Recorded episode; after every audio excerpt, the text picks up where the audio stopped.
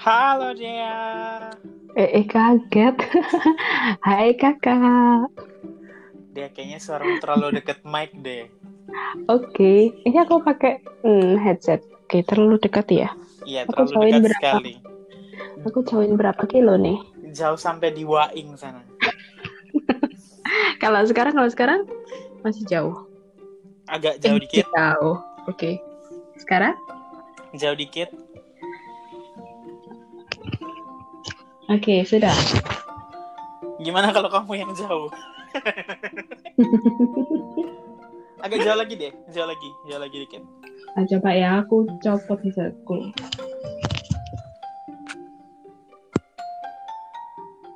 Sekarang gimana? Nah, ini nih bagus. Oh, berarti nggak usah pakai headset kalau gitu. Oke deh. Oh.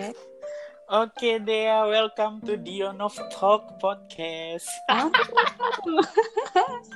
Wah ini first time nih pengalaman pertama aku untuk podcast. Wow.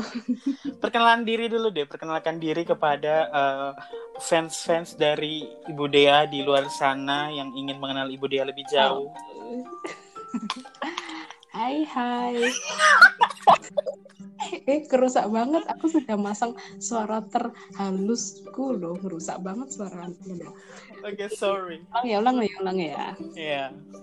Hai fans, di mana anda berada? Kenalin nih, aku ketawa mulu nggak jadi kenalan nih. Perkenalin dong, nama aku Dea, ya. Nama panggilan aku dari mulai kecil sampai gede nggak berubah-ubah, jadi tetap Dea terus. Em, apa ya? Apalagi aktivitas sehari-hari menyibukkan diri, Eh, book, apalagi ya? hobi-hobi Hobi. selain gibah, Oh, enggak dong. Gibah itu bukan hobi. eh, profesi. Gibah itu anu apa namanya makan sehari-hari aja. Hobi makan eh sering lupa kalau sudah makan kayak gitu ya. Jadi ingatnya lapar terus gitu. Oh, bahaya ya Bu ya penyakitnya ya. Iya, suka amnesia kalau hal kayak makan gitu. Profesi, profesi Iya. eh, apa ya? Konselor, konselor. Biar keren. Waduh, konselor. Keren banget. Mhm.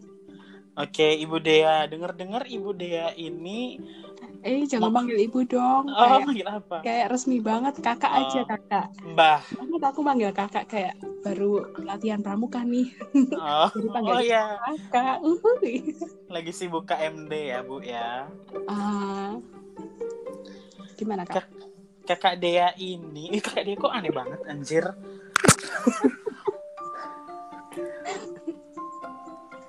Mbak Dea aja ya, Mbak ya. Aku oke. manggil kakak aneh banget. oke kak Mbak Dea ini kok aneh juga. Gak udah deh, Dea aja deh.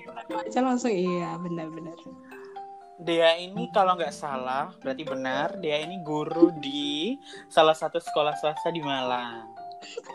Iya benar Iya, bener nggak sih? iya iya benar benar Kayaknya aku juga pernah deh muncul di sekolah itu.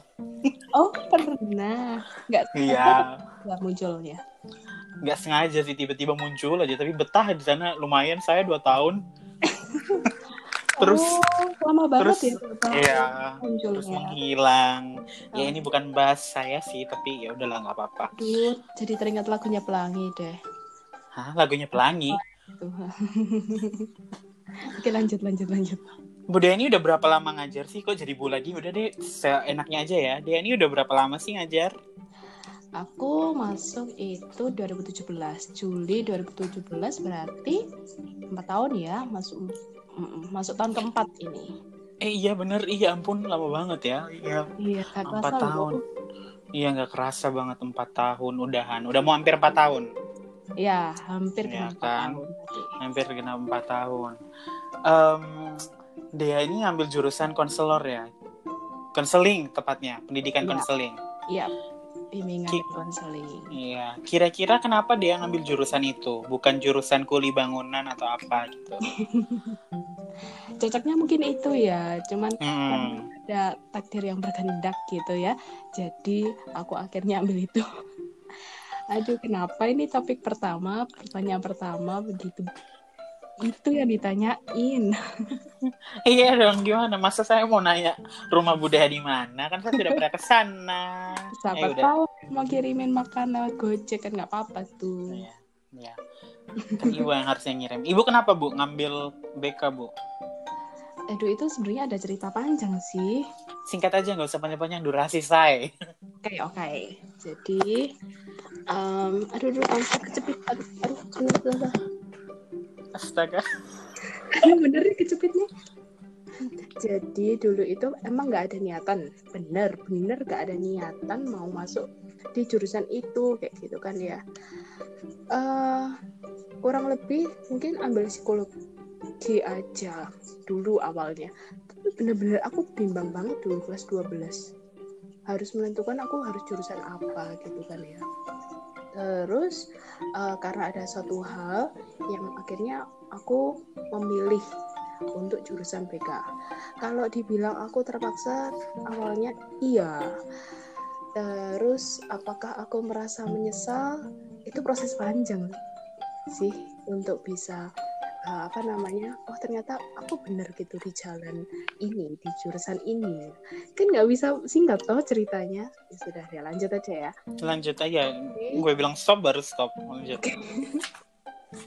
kayak main apa aja tiba-tiba stop. Jadi eh, emang awalnya nggak ada niatan kayak gitu. Tidak ada niatan tidak ada keinginan tidak ada kemauan untuk mau jurusan itu. Tapi setelah berjalannya waktu ternyata eh, passion aku di situ kayak gitu.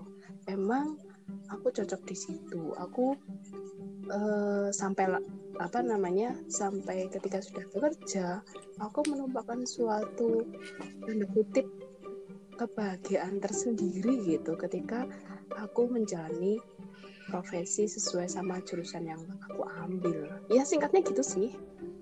Hmm, jadi emang semua butuh proses, semua butuh waktu. Lama-lama yang awalnya kayak kepaksa bisa jadi buat nyaman dan seneng akhirnya ya kan. ya dan itu bertahun-tahun sih Hmm, ya memang semua tuh butuh proses untuk terbiasa, terus lama-lama bisa nyaman kayak gitu. Iya, sedikit curhat. ini ini bukan sedikit curhat langsung curhat di pertanyaan pertama oh iya benar. Oke. Oke, terus Dea dulu kan kayak kan ada kayak PKL dan lain-lain. Kalau itu bahas nanti bakal jadi panjang banget. Aku mau langsung pengalaman Dea pertama kali mengatasi anak-anak di eh, sekolah tempat dia bekerja sekarang. Itu mungkin gimana perasaannya ketika harus menjadi konselornya anak-anak? Kira-kira lucu-lucu nggak sih cerita-cerita mereka tuh? First impressionnya Dea gimana? ini yang mana dulu nih Eh, tempat aku magang apa yang sudah ketika aku udah bekerja di wah ini sudah bekerja di Waing. Disebut ya, Bu, akhirnya sekolahnya. Oke. Hmm, itu ditit gitu aja ya sensor apa ya kalau first impression aku agak anu ya kayak kabur gitu lupa tapi ada hal yang membuat aku punya kesan mendalam nih Hmm, sedalam apa? Sedalam cintamu Jangan bercanda, jangan bercanda, jangan bercanda. Oh, ini nggak boleh bercanda ya maaf Boleh sih, boleh, boleh, boleh aja. Oke, Eh, kesan aja ya yang ada beberapa kesan yang aku dapatkan dan itu dalam banget.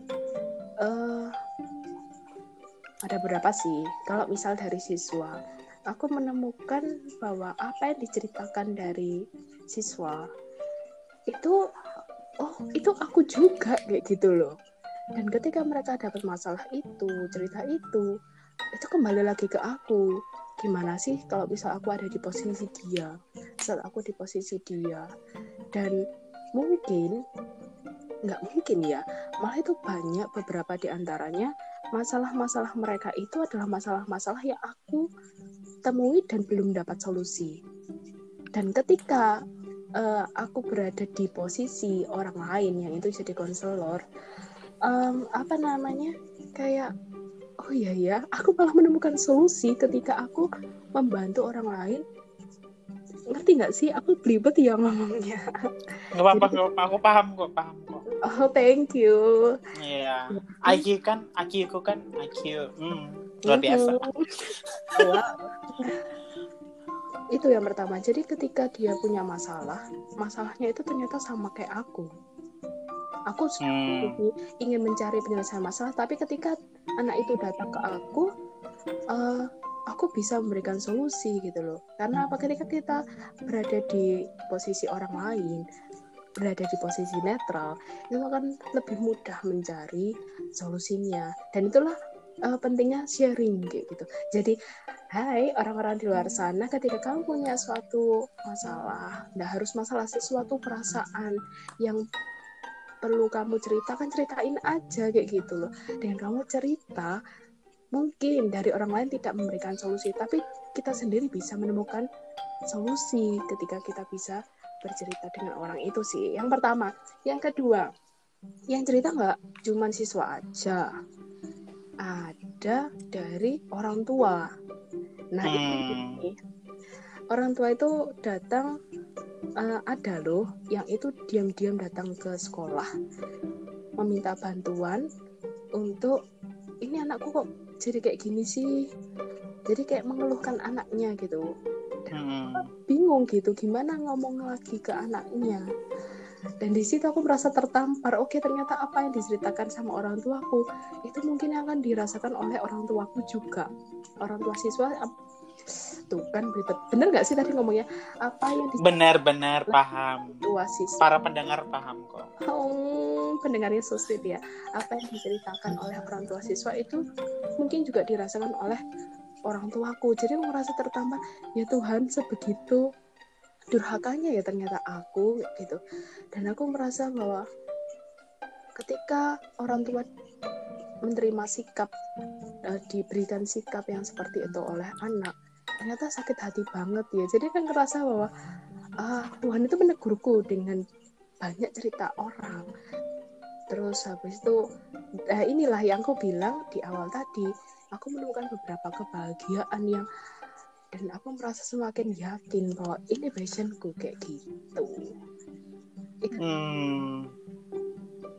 Jadi ceritanya tuh kayak related sama kehidupan ya. Jadi Bener, bisa membayangkan kalau di posisi ini gimana di posisi itu gimana. Uh. ya serba rumit ya kalau denger cerita. Duh. Itu pasti kadang-kadang pasti budaya juga kayak nampung masalahnya mereka tuh. Pernah nggak sih ngerasa kayak jadi beban nah kalau masalah yang berat banget gitu iya dia pernah nggak ngerasa iya itu rata-rata konselor di luar sana pun juga merasa seperti itu. Tapi kalau ini ngomong dunia BK langsung ya, hmm. kita tidak boleh uh, bias. Jadi ikut-ikut merasa atau hanyut dalam cerita mereka. Nah kalau misal uh, kita terus-terusan kayak gitu, kita sendiri nggak bahagia dong. Gitu. Nah kita yang harus hmm. berusaha profesional kayak gitu, bisa uh, merasakan posisi mereka, tapi kita tidak bisa, tidak boleh terhanyut. Kita harus profesional kayak gitu itu tantangan loh iya tantangan banget itu nggak mudah mungkin apalagi ya konselor tuh banyak yang cewek kayak gitu jadi perasaan gampang terhanyut juga itu nggak boleh hmm. itu sih apalagi kan kalau yang aku tahu kan kalau misalkan jadi konselor kan harus netral kan. Jadi misalkan si si A konflik sama si B, si A cerita ke si Dea, terus mm. besoknya si B cerita ke si Dea. Yeah. Itu kan bingung juga kan? Betul sekali. Wah, Anda pernah merasakan posisi itu ya? Iya, saya juga pernah dijadikan ini konselor sama anak-anak. Hmm. Gimana nih tertarik untuk melanjutkan studi ke BK? Tidak karena saya tidak netral. saya sangat bias. Tapi emang kalau menurut dia, apakah konflik anak-anak zaman sekarang itu lebih kompleks daripada zaman kita? Atau gimana? Atau sebenarnya sama aja sih? Atau yang dia lihat kayak gimana? Hmm, ini aku belum bisa menjawab pasti ya kompleks atau tidak. Hmm. Karena setiap zaman itu beda gitu loh. Uh, yes zaman setuju zaman kita dulu uh, Anda mulai pegang HP sendiri tuh kelas berapa coba? kelas berapa ya SD apa SMP lupa Nah, aku juga itu SMP. SMP itu iya iya SMP. yang bener-bener banget HP HP Iya, itu iya, iya. SMP deh tapi SMP kelas kelas tengah, kelas akhir kayak kelas 8, kelas 9 itu pun HP-nya kayak warna itu loh. Boleh sebut merek nggak? boleh lah Asia. Tahu nggak sih yang itu warna kuning? iya Asia Asia Hidayah Iya bener. Tahu banget. Nah, itu apa ya? Ya paling buat chatting kalau bosen main itu kan apa namanya snack yang ular-ular itu loh. iya ular. Nah itu beda banget kan sama anak-anak zaman sekarang yang mereka dihadapkan dengan banyaknya fasilitas fasilitas yang apa ya mendukung untuk aktivitas pribadi. Ya kayak misalnya sosial media kayak gitu. Zaman dulu mana ada bisa selfie ya kan? Semua dulu kan Hmm. kamera belakang. Nah kita butuh bantuan orang lain kayak gitu. Akhirnya dulu mau nggak mau kita tuh harus punya banyak teman. Interaksi langsung biar bisa punya banyak teman. Nah sekarang beda dong. Eh, aku nggak peduli kalau misal di sekolah aku punya banyak teman atau enggak. Karena kita punya dunia lain yaitu dunia maya kayak gitu kan ya. Dunia maya yang kita Hmm, tanda kutip anonim untuk bisa punya fans, punya followers kayak gitu. Yang eh, apa namanya beda banget ya sama zaman kita. Itu eh, tingkat stresnya memang beda sih, kompleksitasnya juga beda. hmm. Tapi kata orang, kata eh, para ahli, ya, Aduh, ahli ya maaf, sok-sokan aja biar kelihatan eh, pintar intelek gitu loh. oke oke boleh boleh Ini sih lebih kompleks yang zaman sekarang. Iya ya, emang karena perkembangan zaman juga jadi berpengaruh secara nggak langsung Hmm. ke cara mereka berinteraksi, cara mereka em, bangun relasi dengan yang lain juga.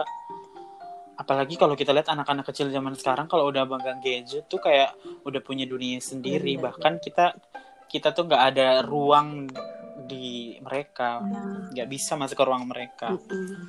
mungkin aku Apalagi anak- cari, SMA ya. Mm-mm. Anak SMA kan lebih lebih kompleks juga mana pas usia-usia usia-usia di mana hmm, apa otak mereka sangat ber, beraktif-aktifnya, iya aktif sangat explore. banyak hal kayak gitu. Benar-benar banget. Kalau dari aku sih, eh, satu hal yang membuat kekompleksitasan masalah di anak zaman sekarang adalah kebingungan sosial. Menurutku loh ya. Hmm. Kalau misal kita dulu, nah kita dulu itu eh, kayak jauh banget gitu ya. selisih kita sama mereka padahal cuma selisih tiga tahun gitu kan ya. Iya. Yang 17 Mm-mm. tahun ya, sudah nggak apa-apa. Zaman dulu itu eh, kalau ada yang salah pasti akan langsung ditegur. Kita tahu salah tidaknya itu belajar dari orang lain kayak gitu.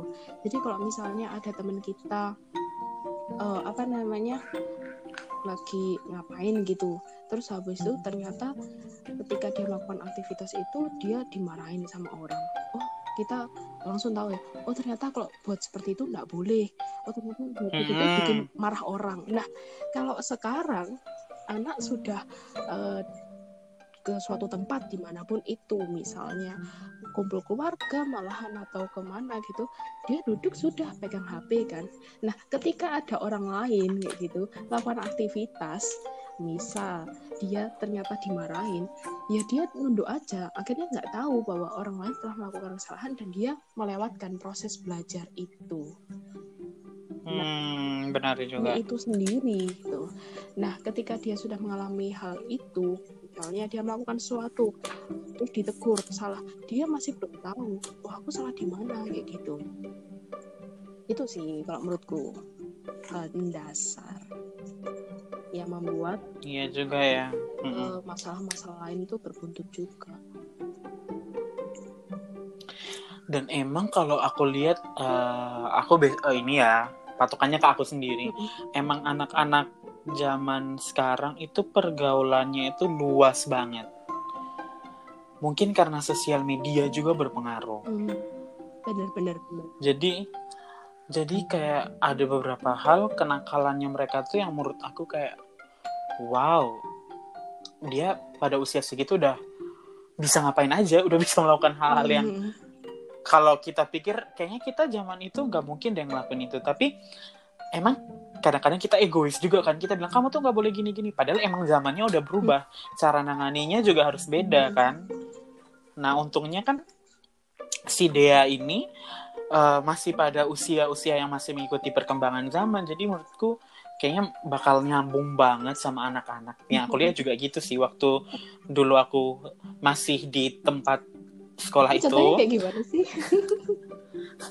ya masa harus saya mendetailkan kayaknya anak-anak juga nyamannya uh, ini bukan ini ya bukan berarti oh semua anak-anak lebih nyaman ke Budi hmm. enggak tapi maksudnya eh, anak-anak yang emang di apa konselingnya harus sama Budaya dan itu mereka nyaman sama Budaya mereka kayak hmm. nggak sungkan untuk cerita mungkin karena dia tuh update oh emang anak-anak zaman sekarang nggak boleh terlalu diginiin, diginiin, diginiin, karena perkembangannya juga beda, mereka cara pikirnya juga beda. gitu terima ya. kasih, aku anggap sebagai pujian ya itu. Iya, hmm, bodo amat.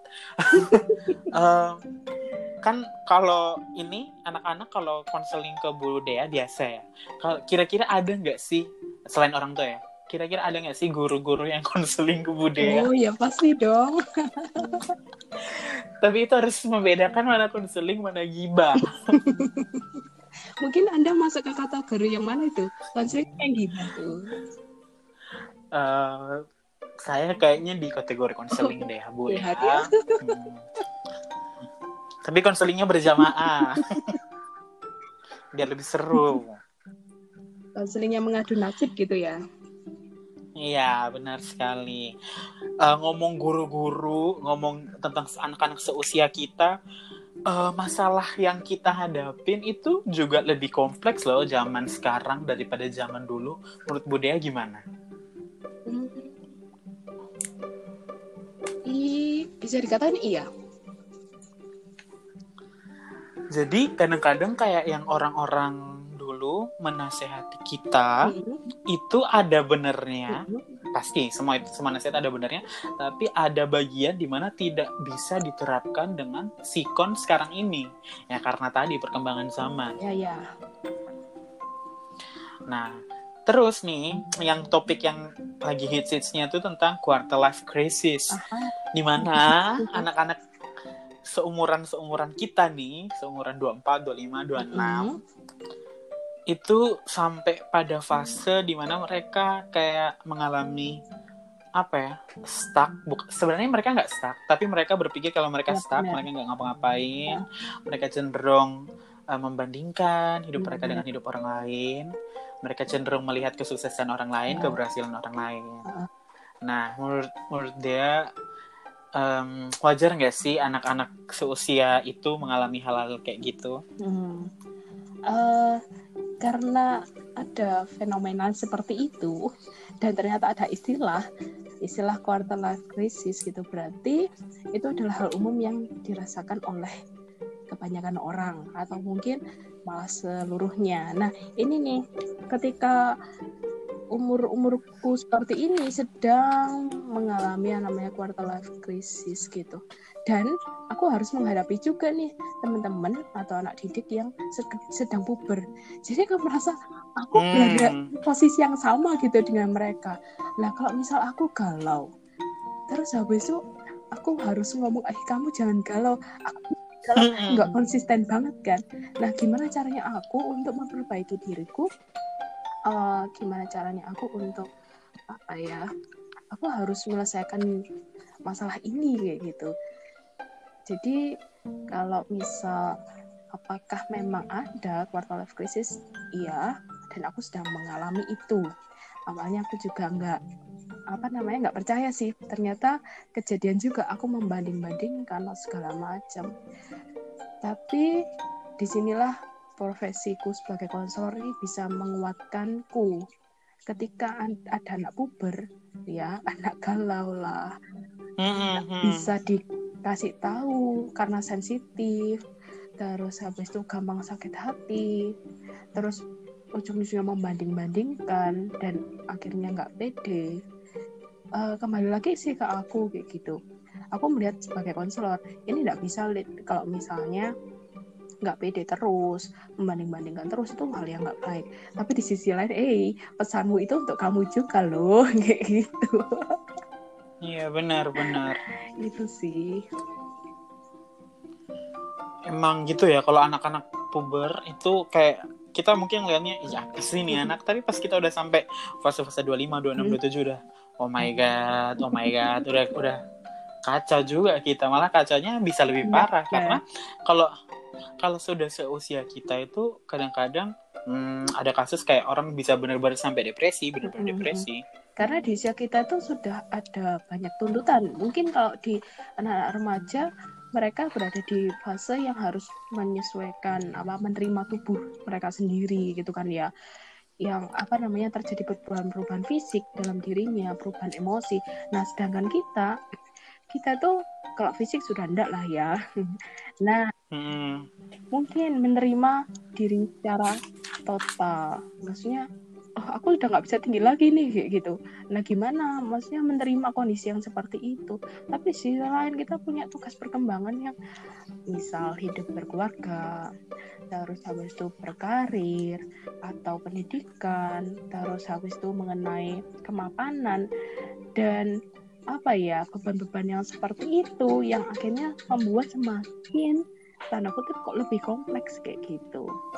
Sebenarnya sih setiap tahap pasti punya eh, tugas hidup masing-masing, tugas perkembangan masing-masing. Nih kalau misalnya BK nih istilahnya tugas perkembangan hidup. Nah kalau di usia-usia seperti ini terus perkembangan hidup apa? Dan itu memang lebih berat daripada SMA karena kan ya pastilah semakin usia, semakin bertambah usia, semakin eh, banyaknya tantangan yang harus dihadapi. Gitu. Iya Ya. benar. Jadi kadang-kadang kalau lihat anak-anak kecil tuh kayak udah lu kecil aja lu nggak usah besar besar yuk susah say. Banyak masalah. Mikirin cicilan. Tapi kayaknya bener aku setuju banget sama Dea tentang menerima diri. Dan eh, kalau menerima diri tuh ini sederhana loh cuma ngomong menerima diri tapi itu susah banget dilakukan banget apalagi karena kalau kita misalnya punya cender- kesalahan di hmm. masa lalu dan kita harus bisa memaafkan diri memaafkan diri sendiri sama Iya. memaafkan orang lain tuh sama-sama beratnya ternyata Mm-mm. Tapi kita tuh cenderung kayak menerima diri ya. Kita tuh cenderung melihat keberhasilan orang Betul. lain, kesuksesan orang lain daripada diri kita sendiri. Walaupun tadi yang dia bilang memaafkan itu, kayaknya kita cenderung lebih gampang juga maafin orang lain daripada maafin diri sendiri. Kadang-kadang itu emang problem sendiri ya. Tapi emang ini susah banget loh dia menerima diri. Menurut dia apa sih faktor yang orang membuat orang tuh susah untuk menerima diri? Itu kenapa? faktor yang membuat orang susah menerima diri Eh, sebenarnya menerima diri sama memaafkan itu akhirnya kayak apa ya bersinergi lah. Berat Ya, banget namanya Selaras, selaras, ya itu berkesinambungan kayak eh, apa yang membuat itu sulit untuk menerima diri? Kalau kasarannya sih faktor kedewasaan ya. Faktor kedewasaan Hmm. itu berpengaruh kayak gitu. Tapi apa ya sulit sekali. Eh, mau menerima diri sendiri itu kalau misal aku juga bingung ya apa yang menghambat Mungkin dia harus lebih mengenal dirinya sendiri. ya Mungkin dia harus ya mengenal benar-benar. kelemahan, kelebihan. kita harus tahu dulu Ya, kayak gitu. kita harus paling. tahu dulu kita tuh kayak gimana misal nih eh aku bandingin sama kamu boleh nggak Jangan, jangan. ini sebagai contoh nih yang aku gampang biar gampang nih Eh, Oke aku lah. gini aku melihat bahwa oh seorang Dio. Dia kok hebat ya? Istilahnya bisa merantau jauh terus habis itu dengan kemampuan komunikasi yang sangat bagus uh, dia bisa melanjutkan studi dengan cepat menyelesaikan studi dengan cepat banyak teman bla bla bla bla kayak gitu.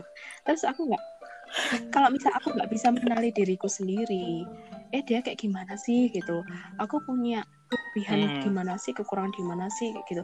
Kalau kita terlalu menghambakan mendewakan kelebihan orang lain kita mungkin pertama ya bener sih kita nggak kenal dengan diriku sendiri gitu loh. Nah mungkin kan aku hidup jelek semua kayak gitu. Nah hmm. mungkin kita hanya menyoroti sisi jelek gitu. Kita belum melihat sisi baiknya kita.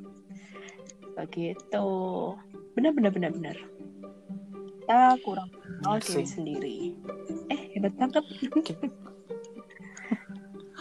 kita juga kayaknya lebih gampang menyoroti hal-hal jelek di diri kita daripada hal-hal bagus. Nah, oh aku teringat yang kedua, apa yang membuat kita sulit untuk bisa menerima diri sendiri? Kurang bersyukur. Bukan sok-sok holy nah. banget ya, tapi ketika ah, Tapi itu susah loh, susah loh, kurang bersyukur, susah loh bersyukur tuh. Nah, misal ini langsung contoh kejadian ya. Hari ini aku bangun kesiangan, habis itu di tengah jalan macet.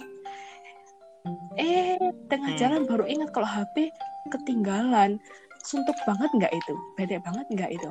Sampai di sana ketemu sama misal temen yang sudah kelihatan mukanya sewot.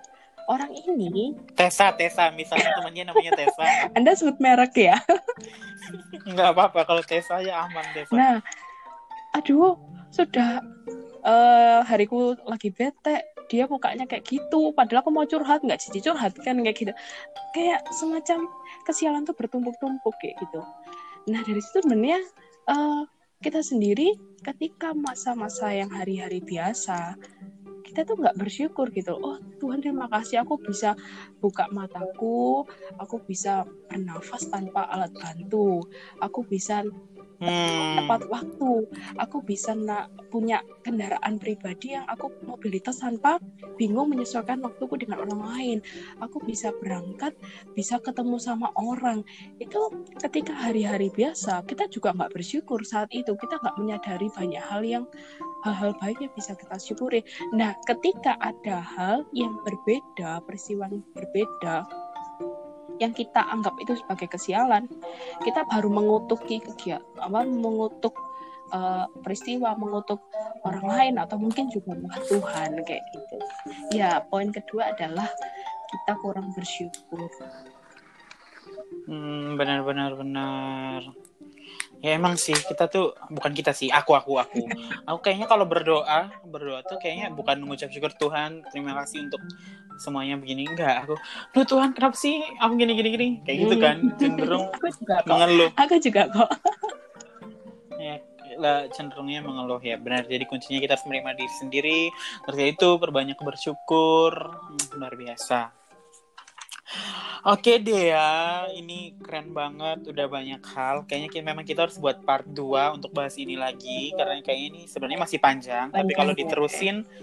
mungkin dua jam atau, atau 4 tahun jam ya. kayaknya. Iya, dua tahun 2025 sekalian ya. Aduh. ya. Oke. Okay.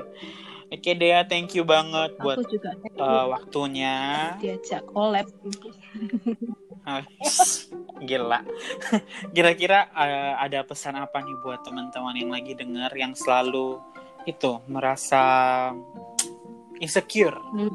Nah, tiba-tiba aja ngomong insecure nih. Hmm. Soalnya quarter life crisis itu atau uh, kayak masa puber itu diidentikan sekarang ya, karena muncul hmm. booming kata insecure itu. Sebenarnya kata insecure udah lama sih, cuman karena banyak yang pakai gitu jadi booming ya. Uh, pokoknya apa ya? Hmm teman-teman kita itu diciptakan oleh Tuhan itu sudah baik adanya. Ada kelebihan ada kelemahan kayak gitu kan ya. Nah ayo coba nih dikenali. Aku tuh kayak gimana sih? Kelebihanku apa dan kekuranganku apa? Itu semuanya harus kita syukurin kayak gitu. Kenapa Tuhan bikin kita punya kekurangan?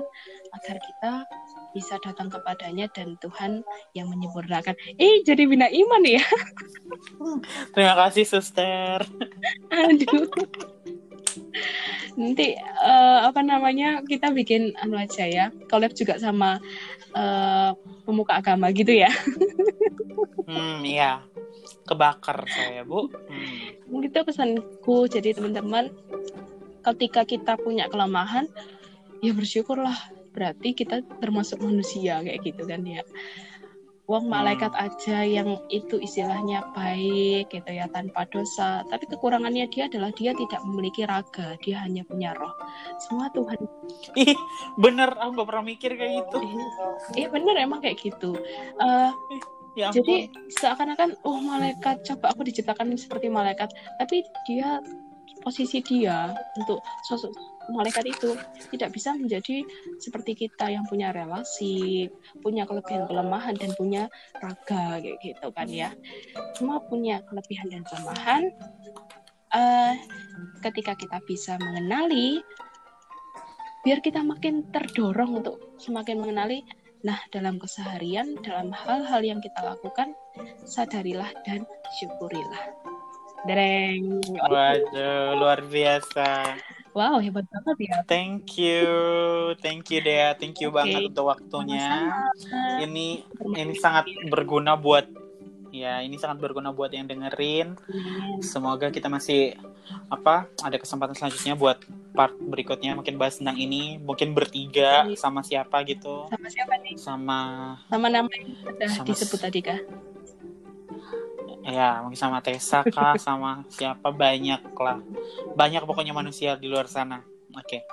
thank you Dea for your time. Have a good day. Eh, have a good night. Okay. so thank you. Bye bye, bye, -bye.